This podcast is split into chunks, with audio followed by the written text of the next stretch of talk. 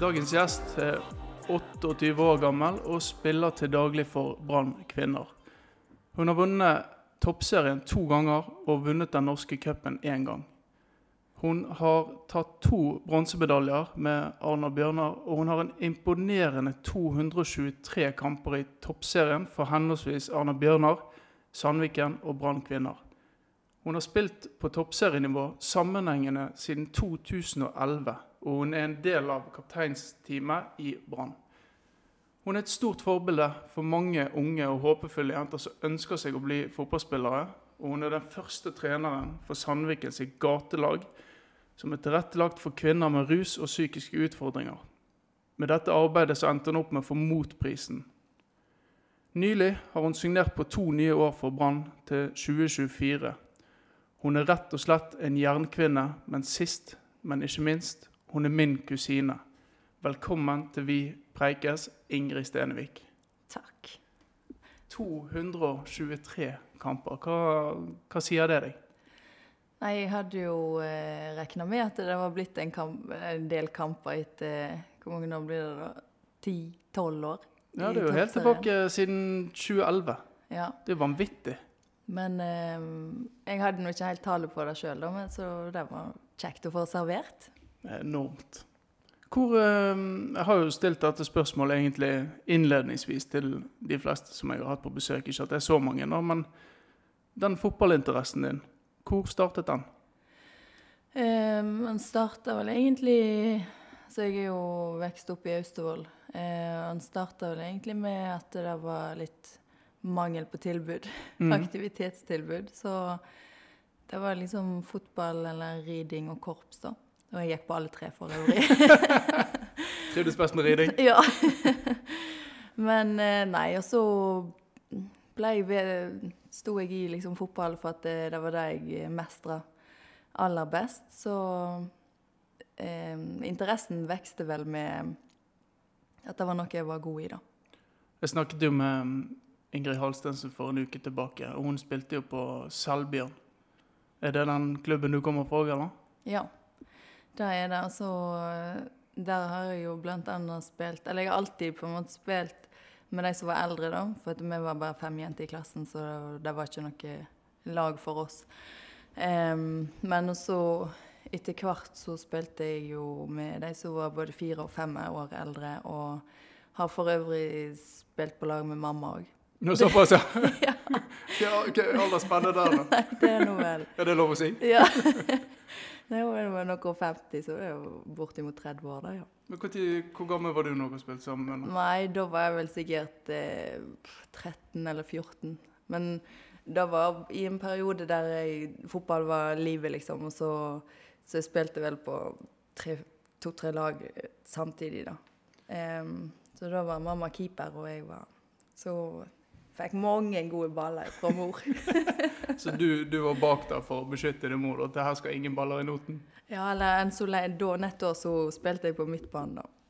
Og du var på midten? Ja. Derfor er du så god med ball i beina. ja, ikke sant? Men du nevnte det litt interessant, for dere var jo fem stykker i klassen.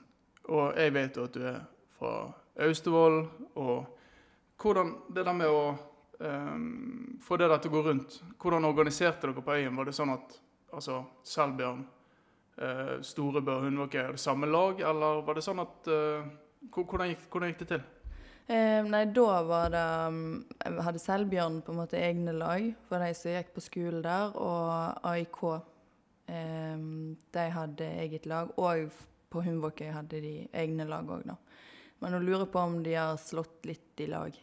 Eh, men da når jeg bodde der, så var det at når du kom på ungdomsskolen, da var det mer naturlig å eh, begynne på AIK. Da gikk du til AIK ungdomsårene? Ja, eller jeg spilte egentlig på Selbjørn, men eh, jeg var litt med guttene òg. Og du spilte med de òg? Ja. Samme alder da? eller? ja, da spilte jeg med dem i klassen. Hvordan var det, da? Eh, jeg syns egentlig det var helt rått. Fordi mm, da, enn så lenge da, så eh, hevder jeg meg fortsatt blant dem, da. Så Mhm. De var liksom ikke begynt å springe ifra meg ennå, eller skubbe meg ned, liksom. De var ikke kommet så langt i puberteten? Nei. Så eh, de eh, det var vel én eller to sesonger jeg gjorde det, og da, det var veldig kjekt. Men merket du at det ble et større fysisk Altså når de begynte å vokse, kom i puberteten, merket du at det ble en stor forskjell? Um, da flytta jeg egentlig. Så jeg spilte vel Jeg tror det var 9. og 10. klassen i lag med deg. Um, og det gikk ganske bra. Og når du da valgte å, å flytte, hvor eh, flyttet du til da? Da flytta jeg aller først til um, Tertnes. Uh, og begynte på videregående der. Så da flytta jeg inn med ei annen fra Austevoll som var ett år eldre, som òg gikk på Tertnes. da. Ah, Hvem var det? Eh, Karoline Bjørnesøy. Hun var god. Ja. Og hun spilte òg i Sandviken. Ja. For ja, når jeg eh, ja, skulle flytte, så var det jo litt sånn Hva lag skal jeg velge? For at eh, jeg hadde på, vært prøvespilt på begge. Men eh, ja, som jeg har sagt litt før òg, så var jeg Hadde jeg hatt det veldig komfortabelt i Austevoll og var nok litt piglete. Sånn at det ble Jeg tørde ikke å begynne på i Jan og Bjørnar. Å ja. Så For på den tiden så var Arna Bjørnar en større klubb enn Sandviken? Ja. Ja. Og det var mye tøffere kultur i Arna Bjørnar da enn det var i Sandviken. da. Så eh, da falt valget på Sandviken, ja. Men det eh, tert, altså Tertnes, det var da et idrettsgymnas med toppidrettslinje? Er det Mm. den du gikk på? ja. Og hvordan, hvordan var det? Eh, det var beinhardt, egentlig. Det var eh, Jeg gikk jo liksom ifra at mamma og pappa gjorde jo alt for meg, egentlig. Og jeg hadde veldig kort vei til trening og ble jo kjørt hvis det var noe. Og trengte liksom ikke å tenke på noe annet enn meg sjøl. og så flytta jeg til Ja, når jeg flytta, da, så plutselig så skulle vi begynne med doble økter hver dag. og tidlig opp og lage frokost og pakke bagen og ja, gjøre alt sjøl, da. Um, så da eh, fikk jeg meg eh, slag i trynet, egentlig, når jeg begynte der, for at det var For hvor tungt det var, da.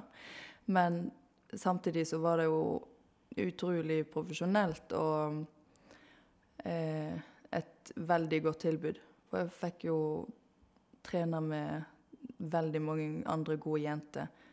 Eh, ja, det var gode generasjoner på skolen der da. da. Men hvordan er det å gå fra fotball som lek og moro til å OK, nå kjører vi doble økter. Hvordan var den overgangen for deg?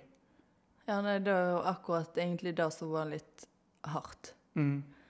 Eh, for det hadde jo vært så voldsom lek liksom, i, hjemme i Austevoll. Selv om jeg nå tenker jeg jo at eh, Eller når jeg sto i det da og spilte, så var det jo blodseriøst for meg. Mm. Men eh, med en leken undertone, da. Eh, så, men så nå ble det jo mer eh, på en måte en jobb. Eh, men jeg vet ikke, jeg har alltid vært litt sånn eh, At selv om jeg har hatt det veldig travelt eller hatt mye å gjøre, og, ja, så har det drevet meg litt òg. Følte du at du måtte Hang du med på nivået, eller følte du at oi, her er det et gap jeg må, må tette? Eller var du naturlig talent og hadde arbeidsmål i bunnen, liksom? Eh, jeg følte egentlig aldri at jeg lå sånn langt bak. Det var jo et par stykker, sånn som Kristine Minde eksempel, var jo eh, Gikk jo i tredje klasse da når jeg begynte. Mm. Eh, og hun var på A-landslaget og fast der og sånn, så det var jo et par selvfølgelig som um, allerede hadde, var veldig etablerte, da. Men er det sånne folk du ser opp til når du kommer inn på skolen? og Oi, disse her landslaget Ja. sto på klubblaget og ja. Så det, det ble jo òg en sånn daglig påminnelse på eh, hva som skal til. Her ligger listen. Ja, her ligger lista, ja. Men du, eh, du bodde jo alene. Du flytta fra det trygge eh, i Austevoll. Og hvordan så en dag ut på Tertnes, altså på hjemmebane, når du var ferdig på skolen? Nei, da På den tida så hadde vi jo alle treningene på ettermiddagen. Sånn at jeg var jo gjerne ikke hjemme før sju-åtte-tida på kvelden. Så da var det egentlig bare å hive klærne fra bagen og ned på gulvet. Du satte på at noen tar det til slutt? ja. Det, det har gjort det der sjøl. ja. Det kommer aldri noen og tar det. Nei, det gjør ikke det da. Um, og så ja, var det litt mat, og så bare lå jeg egentlig strak. Og så sier du at du var og prøvespilte Mm. for begge, både Sandviken og Arne Bjørnar. Så sier du at du ikke tørde å ta valget Arne Bjørnar. Hvorfor det? Nei, det var nok for at eh, hjemme, når jeg bodde hjemme, da, så var jeg jo blant de beste hele tida. Eh, mens eh, så følte jeg at spriket opp var mye lenger i Arne Bjørnar enn i Sandviken, da. I hvert fall på de beste.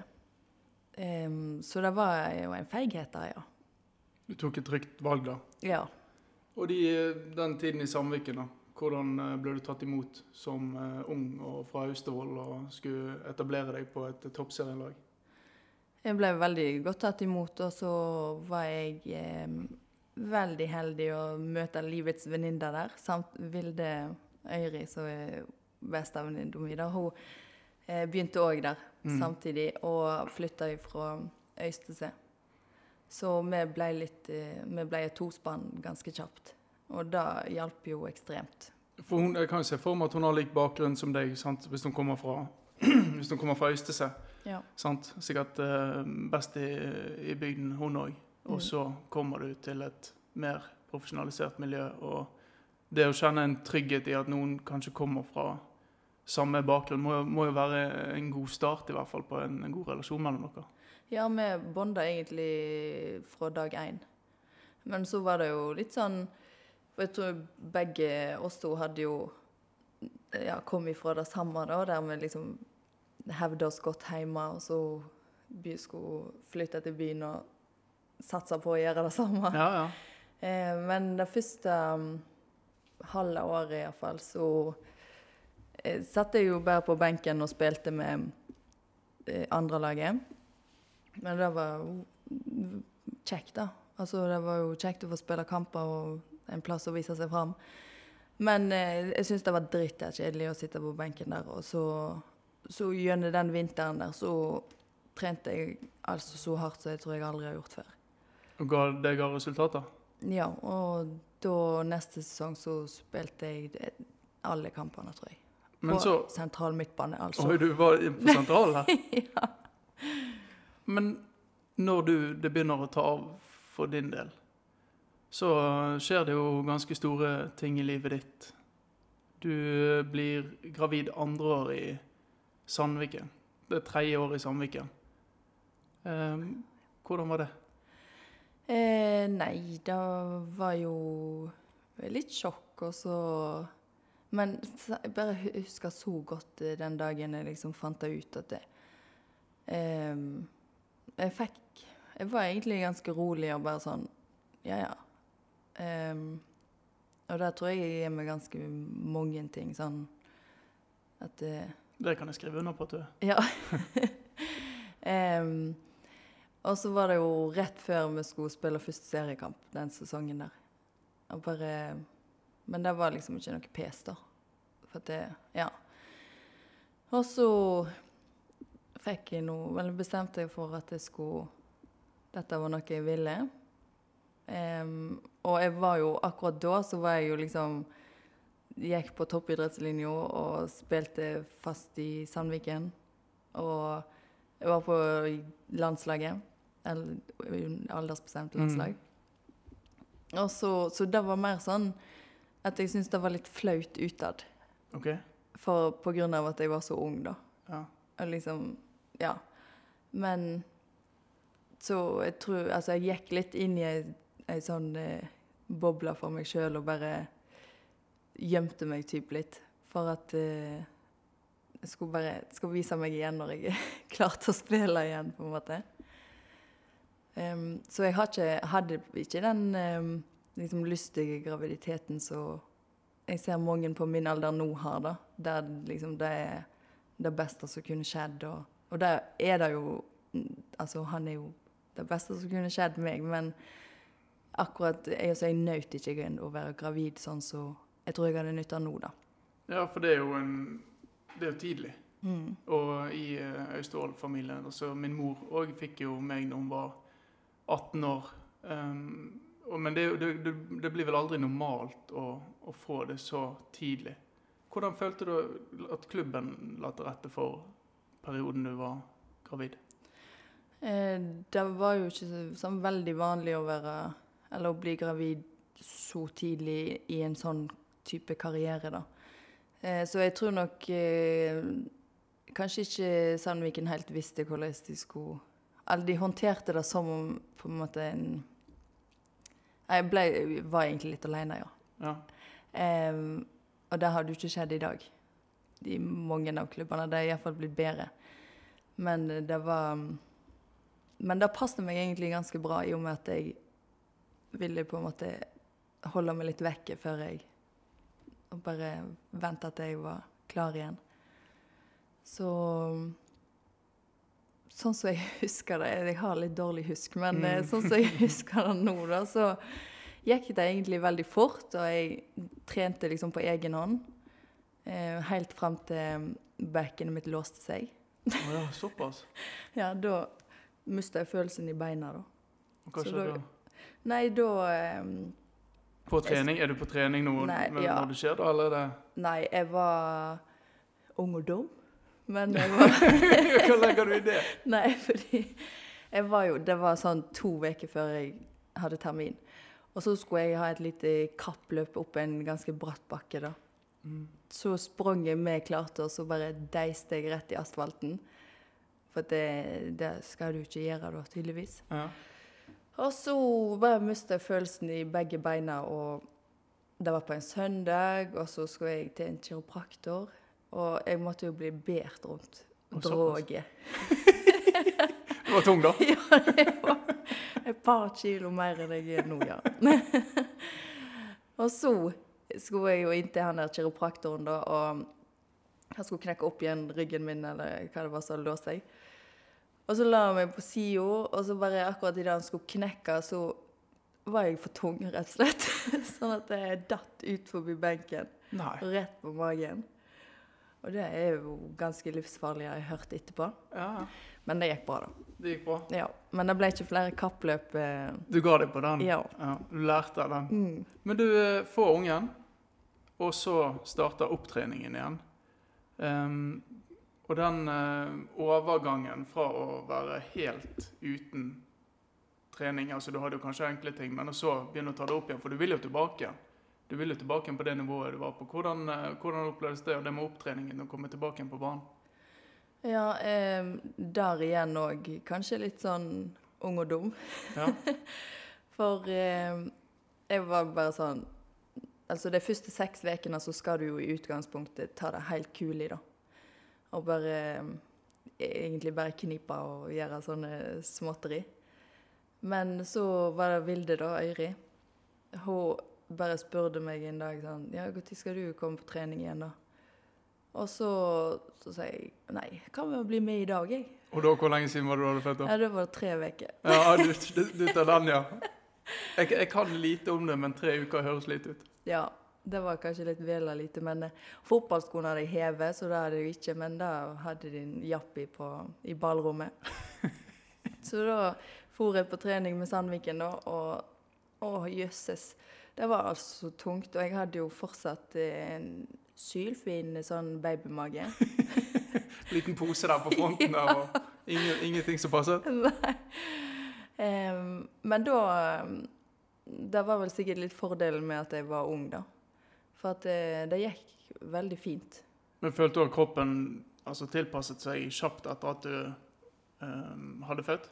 Ja, det gjorde det egentlig. Men det var mer sånn um, Ja, sånn uh, Altså, det gikk jo litt treigt i begynnelsen, og liksom måtte jo kave litt for å komme meg gjennom 90 minutter. Og, um, men det var mer egentlig Vi hadde 30 minutter med sånn skadeforebyggende trening etter hver trening, da. Og det var jo egentlig helt gull for meg, men jeg hoppet jo på en måte rett inn i programmet som de andre hadde. Og så der fikk jeg kjørt meg litt. Altså, Magemusklene mine de lå jo på hver sin side av magen. Og såpass. Ja, for de trekker seg jo litt vekk når Ja, du går gravid, ja. Og, og så skulle vi ha sånn her eh, Masse hopping over steger og styr. Og det var ikke akkurat bekkenbunnen min klar for. Nei. Så ja, det var litt sånn småtteri. Men eh, for all del, jeg var nå veldig heldig. Jeg har ikke, fikk egentlig ikke noen sånn problemer etterpå. Men drar man noe læring ut av det at kanskje etter en graviditet så bør man kanskje ha litt mer tilpasset treningen og følge resten av lagets treningsrutiner? Ja, ja, det det er klart. Jeg hadde jo Altså, jeg vil jo si jeg hadde flaks.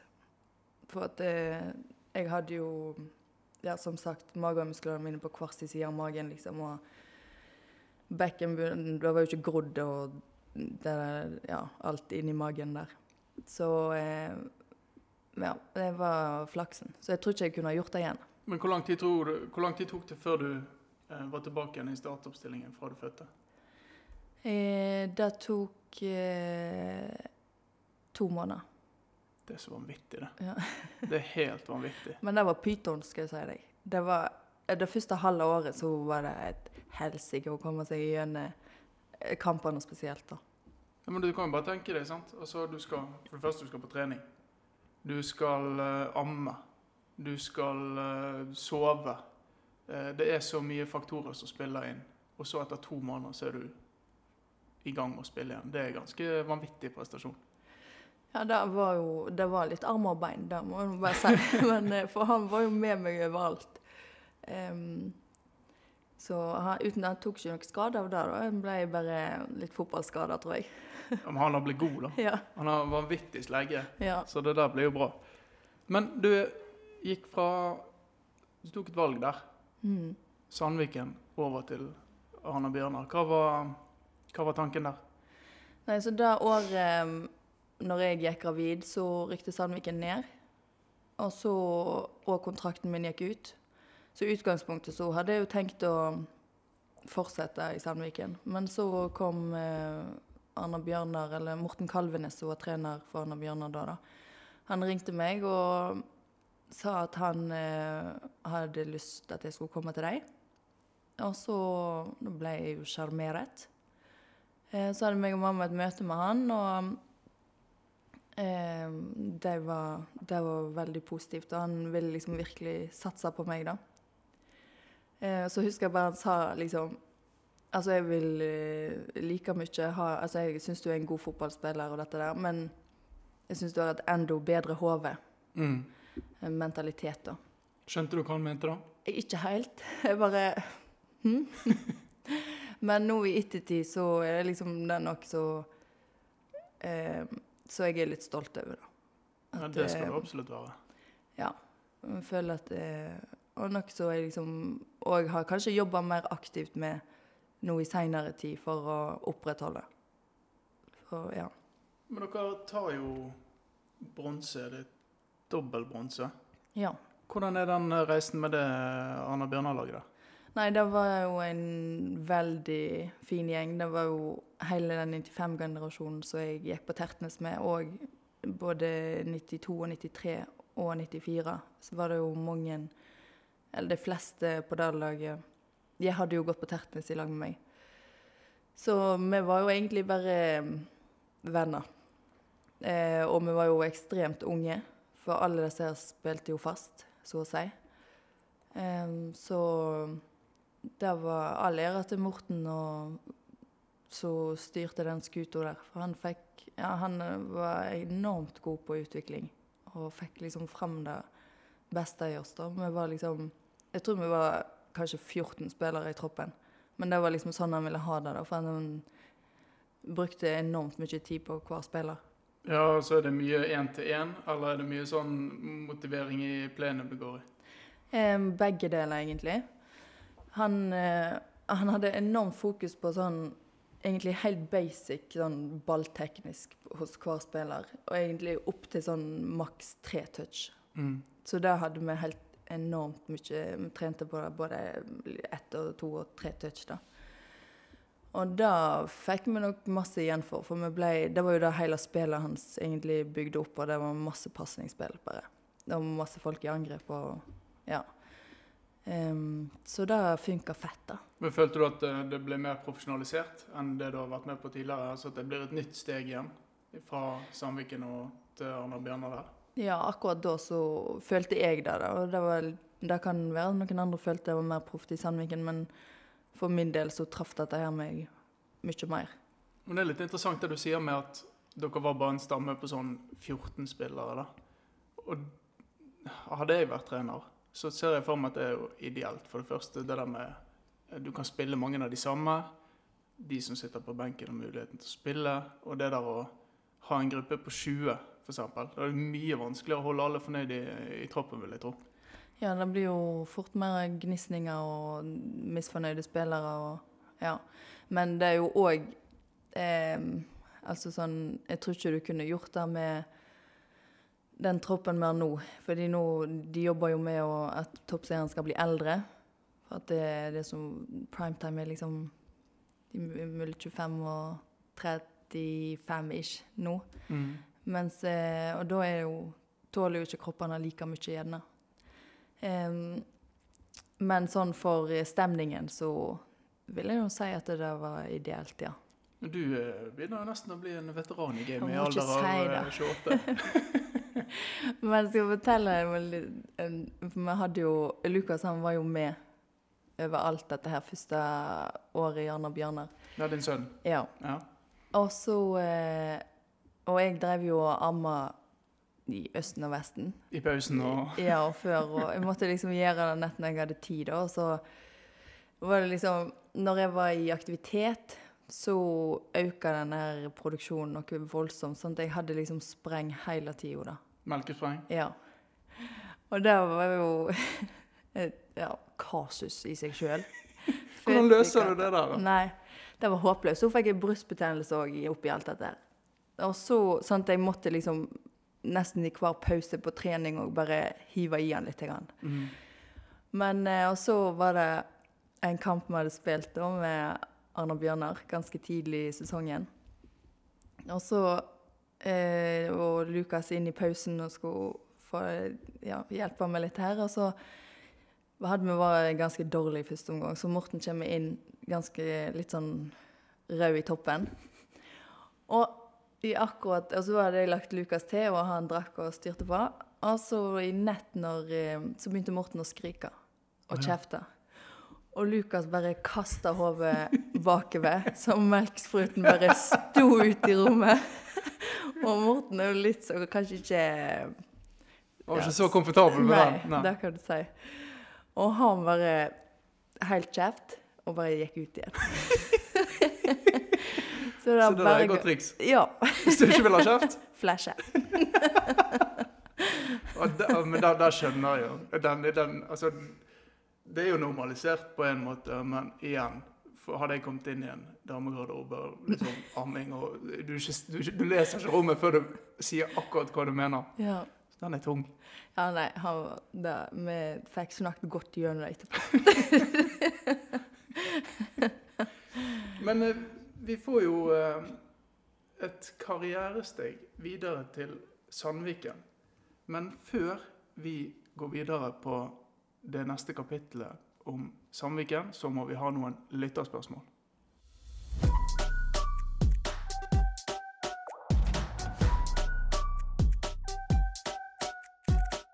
Denne gangen er det ny rekord med lytterspørsmål.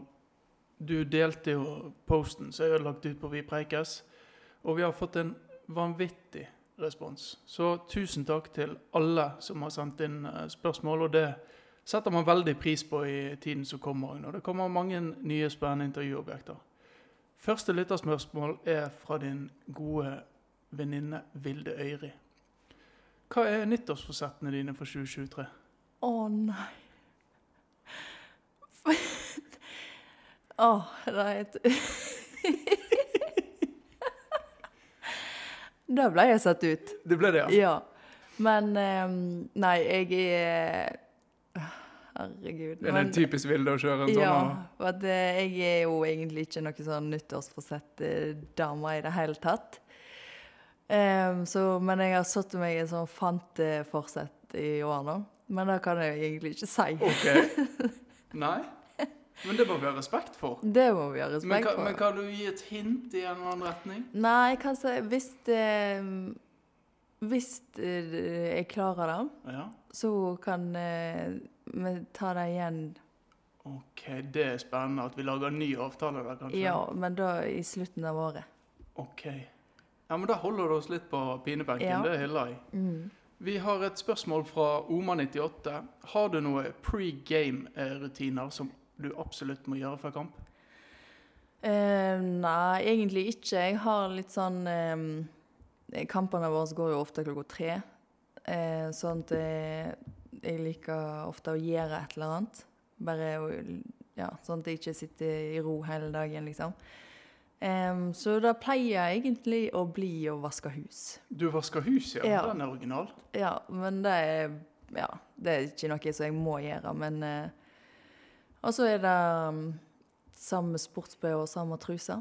Det har jeg sånn kamptruse og kampsports-BH. Som vaskes mellom hver kamp? Ja. ja. Så nå, det ble litt sånn logistikkproblemer nå i høst når kampene kom seg i snor. Nei, det var feil ordtak, men det skjønte hva jeg mente. Men er det bare å sette på um, robotstøvsugeren og så gjøre den Så jobben, da? i Så har du denne susen, så setter du deg i sofaen. Eller er det skikkelig full søndags husvask? Ja, nei, det er Ja, det er egentlig full eh, shining. Jeg så det når jeg kom inn her i dag, at det, det så glimrende ut. Ja. Men det har ikke vært kamp. Nei, det må gjøre litt utenom òg. Ja. Har lært litt fra Tertnes-tiden, da. ja. Vi har et spørsmål fra Sverre her. Han lurer på hvordan var rivaliseringen mellom Arne Bjørnar og Sandviken, og hvordan opplevde du det? Um, akkurat når jeg begynte, så Altså, den har på en måte feida litt med årene. Men nett når jeg begynte, så var den ganske um, hard. Ehm, men så var det jo litt sånn Det var jo litt forskjell på lagene. Eller det har det jo egentlig alltid vært. Sånn den ene er bedre enn den andre, type. Så mm, jeg opplevde ikke sånn Eller selv om akkurat de kampene levde jo ofte litt sitt eget liv. Eh, men det var som regel liksom det ledende laget som vant, da. Men eh, vi følte mer at det var sånn Rivaliseringen var kanskje litt sterkere i administrasjonen. Oh, ja. Ja, at det var For det var vi jo ildsjeler, liksom, som jobbet Ja, ja. der da, da. Og det er de for så vidt fortsatt òg. Men eh, eh, Så det var mer sånn imellom klubbene, da. Så de i administrasjonen, de kom liksom ned i garderoben og bare 'Denne her er viktig'. Hvis ikke dere vinner nå, så får jeg fyke. Det er beinhardt. Det er beinhardt. Eh, Joakim Hjelmeland og Trond eh, Gausemel har egentlig stilt det samme spørsmålet, og det er jo sikkert mange som lurer på det. Hva tanker gjør du deg om den eh, altså, Man har fått litt navnet spillerflukten som har vært fra Brann eh, kvinner før sesongen. Hva tenker du om det? Ja, em, det er jo på en måte litt baksida av medaljen. Altså, vi har jo hatt to veldig gode år. Og da er det jo naturlig at eh, andre klubber får øynene opp for spillerne. Så eh, jeg tror nok ikke disse overgangene her var til å unngå. Nei. Og så er det jo òg et kompliment til på en måte det klubben har klart å bygge opp. Det er noe som blir gjort riktig, i hvert fall. Ja. Men eh, det er jo ja, sånn som med Bodø-Glimt òg, liksom. De selger jo folk i øst og vest. Og så kommer de tilbake igjen, da. Men det, ja, ja, absolutt. Vi må jo satse på det. Ja. Men det jeg synes er litt kult, at nå begynner vi å snakke om eh, altså, Uten at du trenger å nevne summer, og sånn, men det, det jeg synes er litt tøft i kvinnefotball. Nå begynner vi å snakke summer. Altså, det er jo Mm. verdier og overganger med overgangsrekorder. og Det begynner, det begynner å ligge litt penger i det. ja, altså omsider så begynner det å ligne en bedrift, på en måte. Ja, Um, og det er jo bare pluss. Det er helt strålende. Fabian Rimestad, takk for spørsmål. Han stiller følgende. Oh. Hadde du fått muligheten til et utenlandseventyr nå, hadde du tatt den? Um, nei. Nei? Nei, jeg, jeg har jo som sagt en sønn her i Bergen, og har egentlig roa meg, omsider roa meg med at eh, det er her jeg må bli. Og det gjenspeiler kanskje kontrakten, og jeg håpte jo kanskje at det skulle være tre eller fire, men du forbinder med to år, da. Ja. De, Mette har jo tulla med at eh, eller, Hun ble litt forbanna for at de ikke signerte meg på en tiårskontrakt. Men jeg tror hun skal være glad jeg ikke ser ut på banen når jeg er 38. Du skal gli fint over i sånn spilletrener, du. Ja, men ja, nei. Ikke? Nei, trener er ikke noe for meg. Det Stå foran folk og fortelle hva de skal gjøre. Nei, nei da, trener har jeg egentlig aldri likt å være. Men det er jo litt den, du har jo litt den rollen i et sånt kapteinsteam, da. Altså Det er jo liksom å samle gruppen, fortelle litt og Ja, men føler det er litt annerledes enn å Nå får jeg på en måte være med på moroa sånn på skikk når jeg spiller, da. Men det der eh, trenerrollen, det ikke, ikke noe for meg. Så det holder liksom med den der å være bindeleddet kanskje mellom spillergruppen Ja. og treneren. Det er, en, det er en fin rolle å ha. Til slutt så har vi legenden Åsmund Algesen. Nå kan det jo komme hva som helst. Her kan det komme hva som helst, ja. Og Ja. dette er en mann vi må få på podden på et tidspunkt. Ja. For en legende. Hvorfor synger Ingrid alltid at Åsmund vil kline?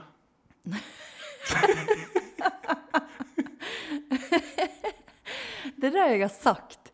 Fordi han later som at han blir så flau og vil gjemme seg hver gang. Så, men eh, jeg, eh, han nyter det jo. Han elsker oppmerksomheten.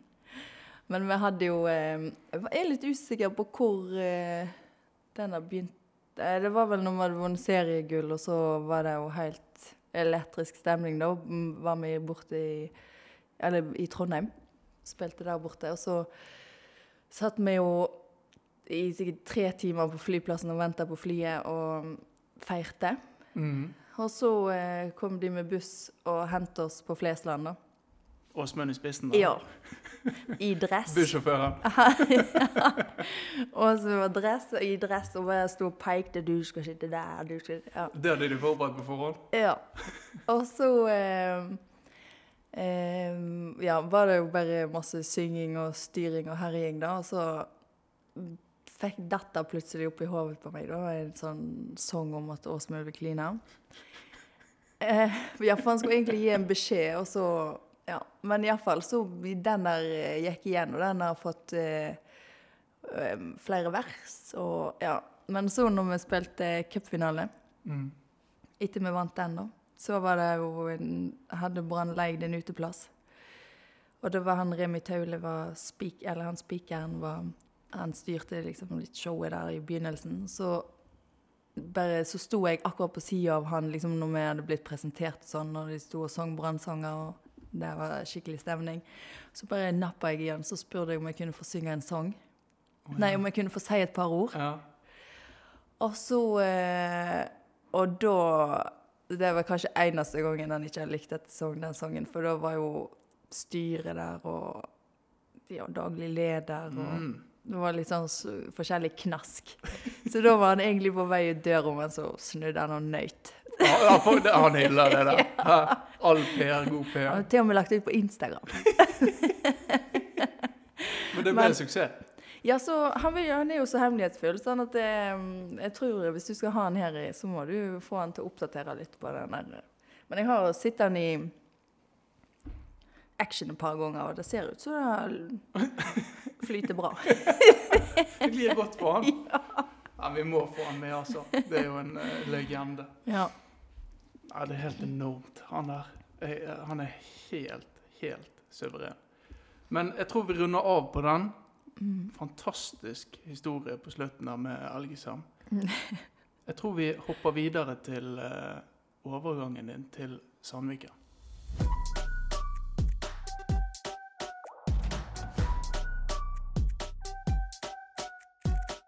Sportslig sett, hva var den eh, største forskjellen mellom Arna Bjørnar og Sandviken, og grunnen for at du tok den overgangen? Um, jeg gikk jo Altså, Arna Bjørnar var på en måte litt på vei ned, og trener altså Morten hadde gått, og eh, Morten ganger to. Vi hadde jo Morten Røsland og Kjetil Lone før den tid. Før jeg gikk, da. Eh, og så var liksom en del av stammo var begynte å gå til andre lag, og eh, noen hadde gitt seg, og ja. Så det var liksom egentlig litt dags på en måte å begynne litt på nytt i Arne, Bjørnar.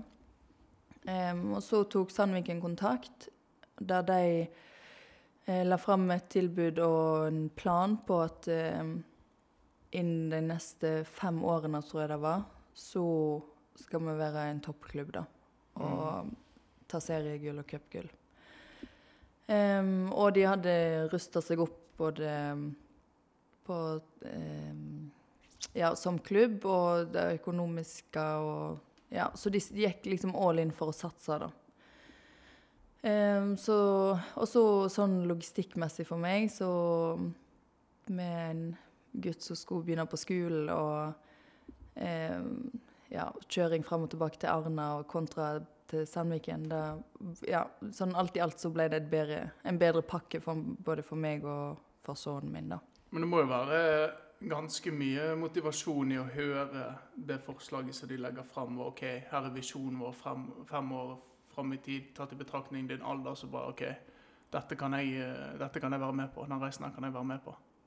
Ja, det var Det var jo noe som på en måte fikk litt ny motivasjon av. Og eh, Arna Bjørnar har jo vært veldig tydelig på at de er en utviklingsarena Mm. for unge spillere. Det har det jo vært i mange år. Mens, Og det er det jo. Uh, det er det jo nå òg, ja. Eh, mens her var det litt mer sånn vi vil være en prestasjonsklubb. Mm. Og jeg følte òg Da var jeg vel blitt 25 år. At eh, eh, det hadde jeg lyst til å prøve ut, da. Men det går jo noen år før eh, resultatene kommer, og da lurer jeg litt på Var det en gruppe som bare bestemte seg for at, at nå, nå gunner vi på, eller gjorde dere noe annerledes enn før? Det snudde vel egentlig litt med altså når Alexander Straus ble trener. Han var ekstremt nøye med hvem han henta inn. Det var mm, Han ville ha Eller han har en kultur som han på en måte tror på, da. Og så henta han selvfølgelig gode spillere, men òg spillere som sto for det han står for.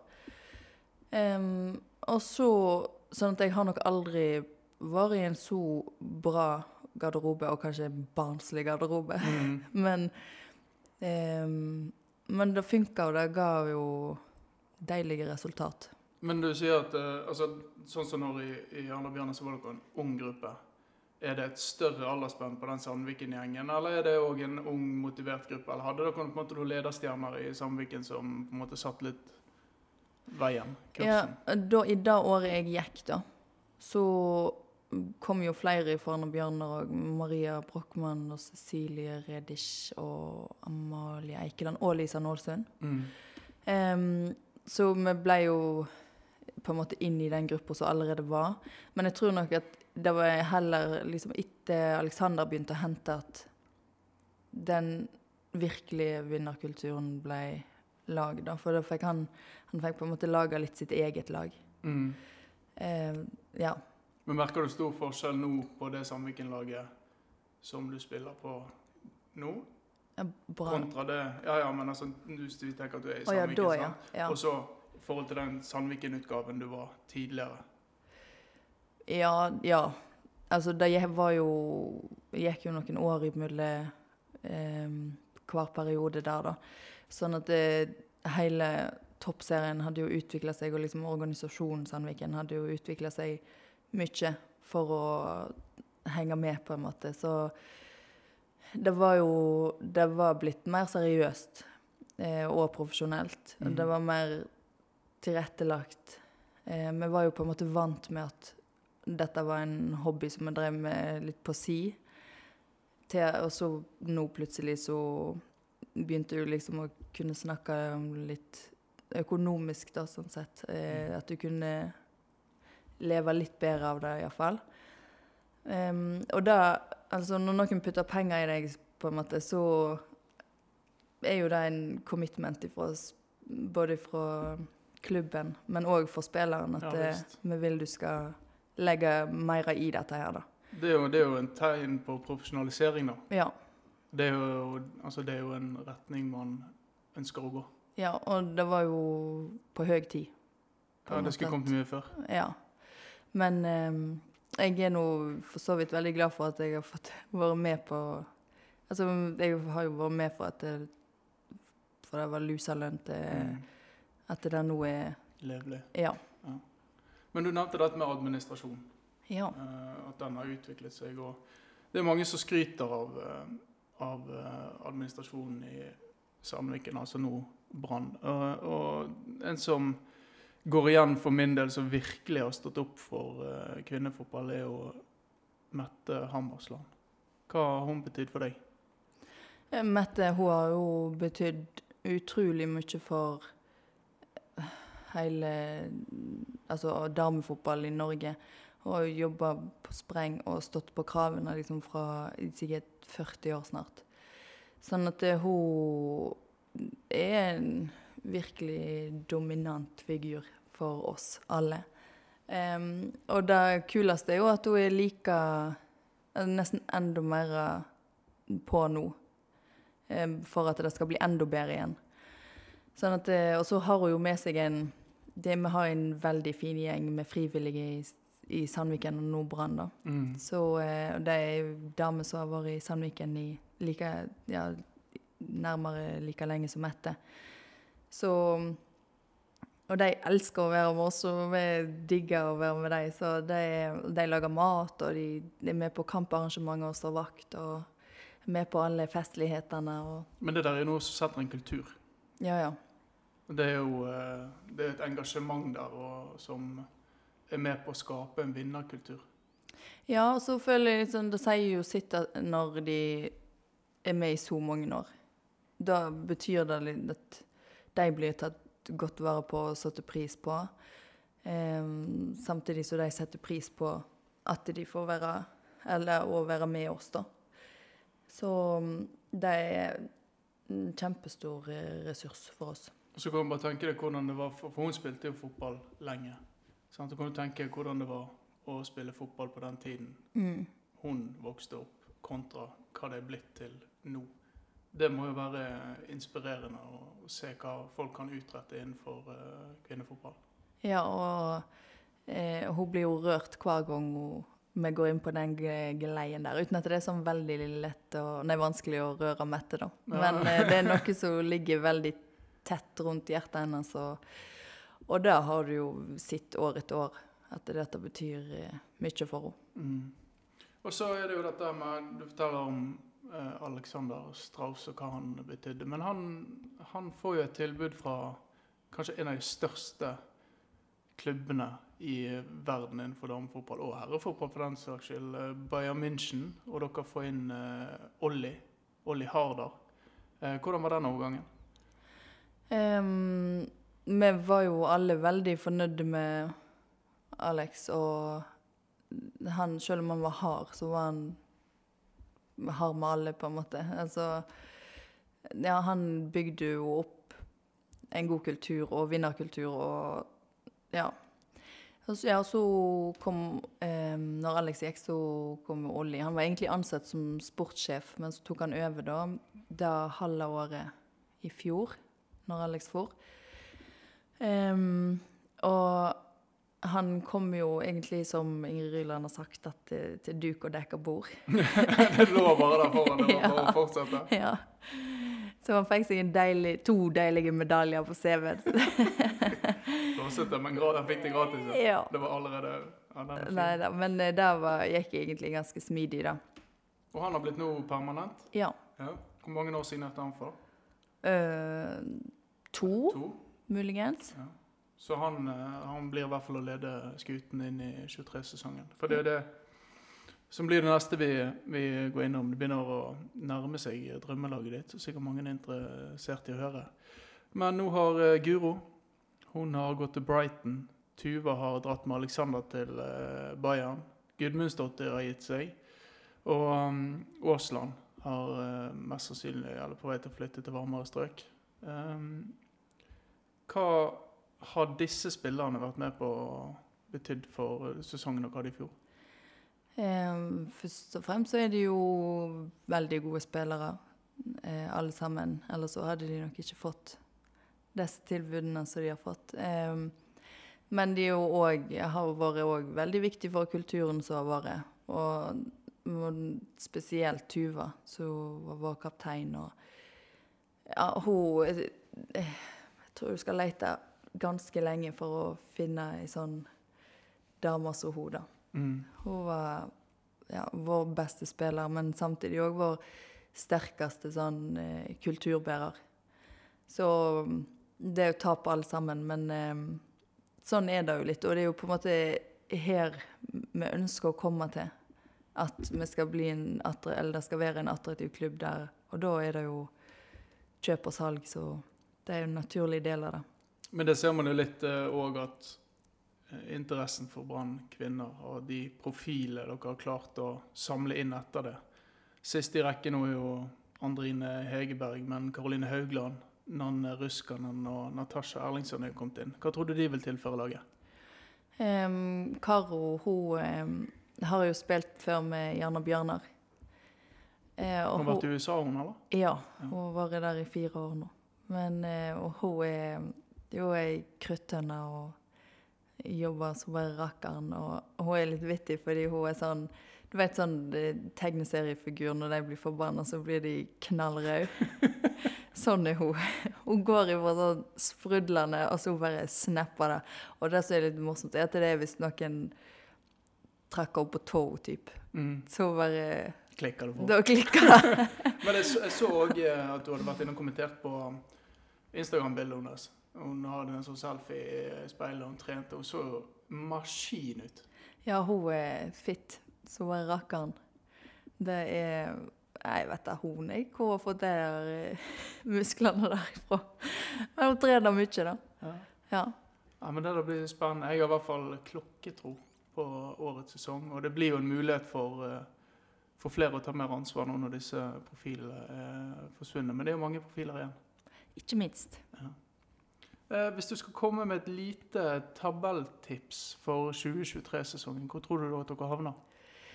Eh, nei, nå Vi har jo vunnet to år på rad, sånn at eh, vi går jo for et tredje. Dere gjør det? Ja. Så det er ikke justert noen forventninger etter at spillere har gått noen vei? Nei.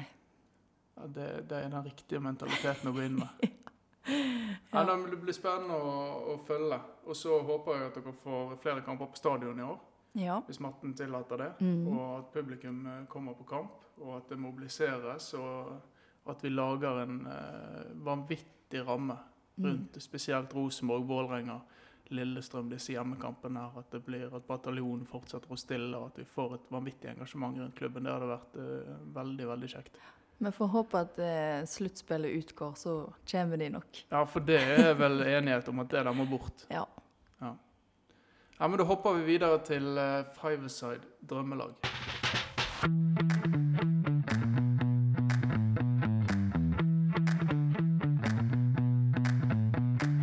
Du har jo fått eh, muligheten å forberede laget ditt. Og hvem er først ut?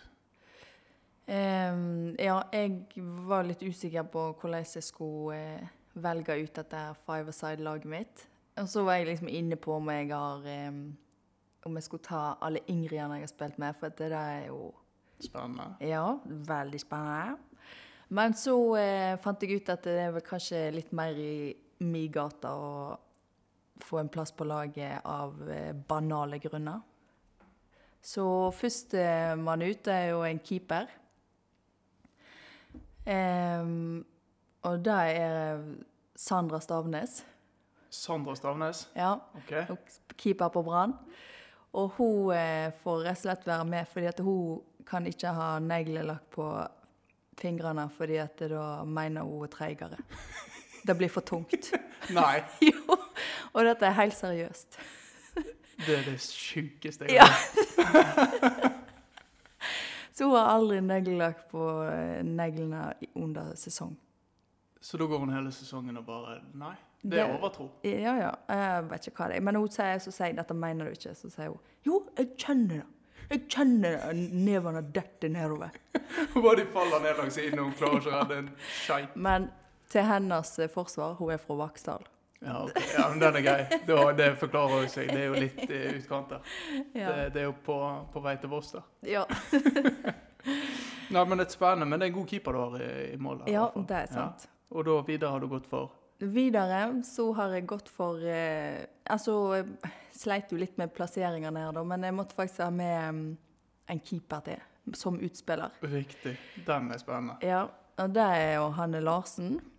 Ok. Eh, og hun eh, så hun sier sjøl er faktisk ganske så god med beina, så derfor får hun plass ut på banen. For hun skryter voldsomt av at hun har spilt med ute på helt til hun var 15 år. Men eh, hun får egentlig plass for, eh, for å holde stemningen oppe. Så du har en humørspreder i laget, da. Det tror jeg er suksess. Ja, det er Altså Hvis dere vil ha dere en god fest, så må dere invitere Hanne. Da er hun med. Da er hun med.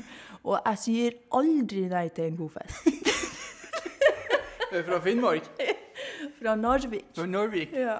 Ja, det er fint. Og hun går i bakre ledd, da? Eller ja, hun går litt sånn i bakre safer ledd. litt baki, da? Ja. Hiver ikke hun lenger fram i banen? Nei. Nei. Og så eh, må vi jo ha noe eh, skyts framme på banen òg. Mm. Eh, og der har jeg eh, eh, nabo og bestevenninne av Vilde Øyri. Vilde Øyre. Det er egentlig Altså, vi flytta jo inn her eh, Har bodd her i nå i ett og et halvt år. Så vi bor helt vegg i vegg, og vi er liksom blitt en litt sånn pakkedeal nå, da. Ja. Så tror jeg hadde blitt ganske skuffa hvis ikke hun fikk være med. Hun spiss. Hun spiller vel ennå, skjønner jeg? Ja, nå har hun nett gitt seg. Men hun var Loddefjord i fjor, eller sånn? Ja, og hun har spilt i Sandviken, hun òg. Hun var god. Ja. Ja, Men det er et godt valg. Og du Ja. setter hun opp på topp, eller? ja. Ja. Kjører en litt sånn annen eh, Jeg tar, har valgt meg ut to spisser. Okay. Det neste det er Maria Brochmann, så nummer 99. Det er en hodespiller. Det er en Hun hovedspiller. skårer på alt. Ja. Og, men eh, grunnen til at hun får være med, da, det er mm, Altså, hun er god i fotball òg, men eh, vi er jo roomies på tur. Alltid. Alltid. Eh, om det er én natt eller treningsleir to uker, eller hva det skulle være. Men hun får egentlig en liten kaktus til henne, for at eh, hun har så sinnssykt med luft i magen. Nei! Og det er jo spesielt når vi er i utlandet. Da er det Det flyter, som knekker hun. Det er den som kne tar knekken på henne. Og så sparer hun spare hun alt til hun kommer inn på rommet, hver gang. Så du går rett til verandadøren, du. Setter den på full lufting. Ja. Så jeg eh, har med meg en liten sånn gassmaske når vi er på tur. Nei da. Det var Hilde. Men da har du to på topp. Ja. Du har fiseren, og så har du Vilde. Ja. ja. Det høres ut som et ganske godt par. Og hvem er det siste du har gått for? Ja, og så jeg sleit litt med det siste om jeg skulle ta ehm, Tuva. For, at, eh, for hun er hun, kan irritere på seg en klegg. Og er helt vill å diskutere, altså vilt irriterende å diskutere med. Eller om jeg skulle ta Nora Eideli på laget. For at hun har nett forlova seg. Ah, ja. Sånn og så er han eh, Eller familien hans er fra Iran. Og der er tradisjonen at eh, du får diamanter fra Altså diamantringer fra hele slekta, da. Ja. Sånn at eh, hun sier at eh, hun har så masse diamanter på fingrene at eh, hun ikke klarer å løfte dem lenger. Tenk hvordan er keeperen og fått det der på fingeren i tillegg til deg. da. Hva har du kunne ikke stått imot henne? Nei, Sandra kan ikke gifte seg, da. Nei, så jeg, valget falt egentlig på Nora. Ja, den, den, står, eh, den står fint, den. Ja. Ja, men Det er et fantastisk lag. Da har vi Sandra Stavenes i mål. Hanne Larsen alene baki der, må vi nesten si. da. ja, det må vi si, da. Så Nora går vel kanskje inn på midten, og så er det da Vilde Øyre og Maria Brochmann Ja. på topp. Det er sånn eh, Skal vi si ek, Veldig defensivt lag, samtidig veldig offensivt. Ja. To keepere, én midtbanespiller og to spisser. Det, or, originaliteten i dette her, Ja, det hyller jeg. Det kan du sette pris på. Det kan du virkelig sette pris på. Men det jeg kan òg sette pris på, er at den tiden du har brukt der, den setter jeg veldig pris på. Eh, Jeg må si tusen, tusen takk for at du eh, gjorde denne timen her. Og jeg har lyst til å bare runde av med Vi preikes. Med preikast.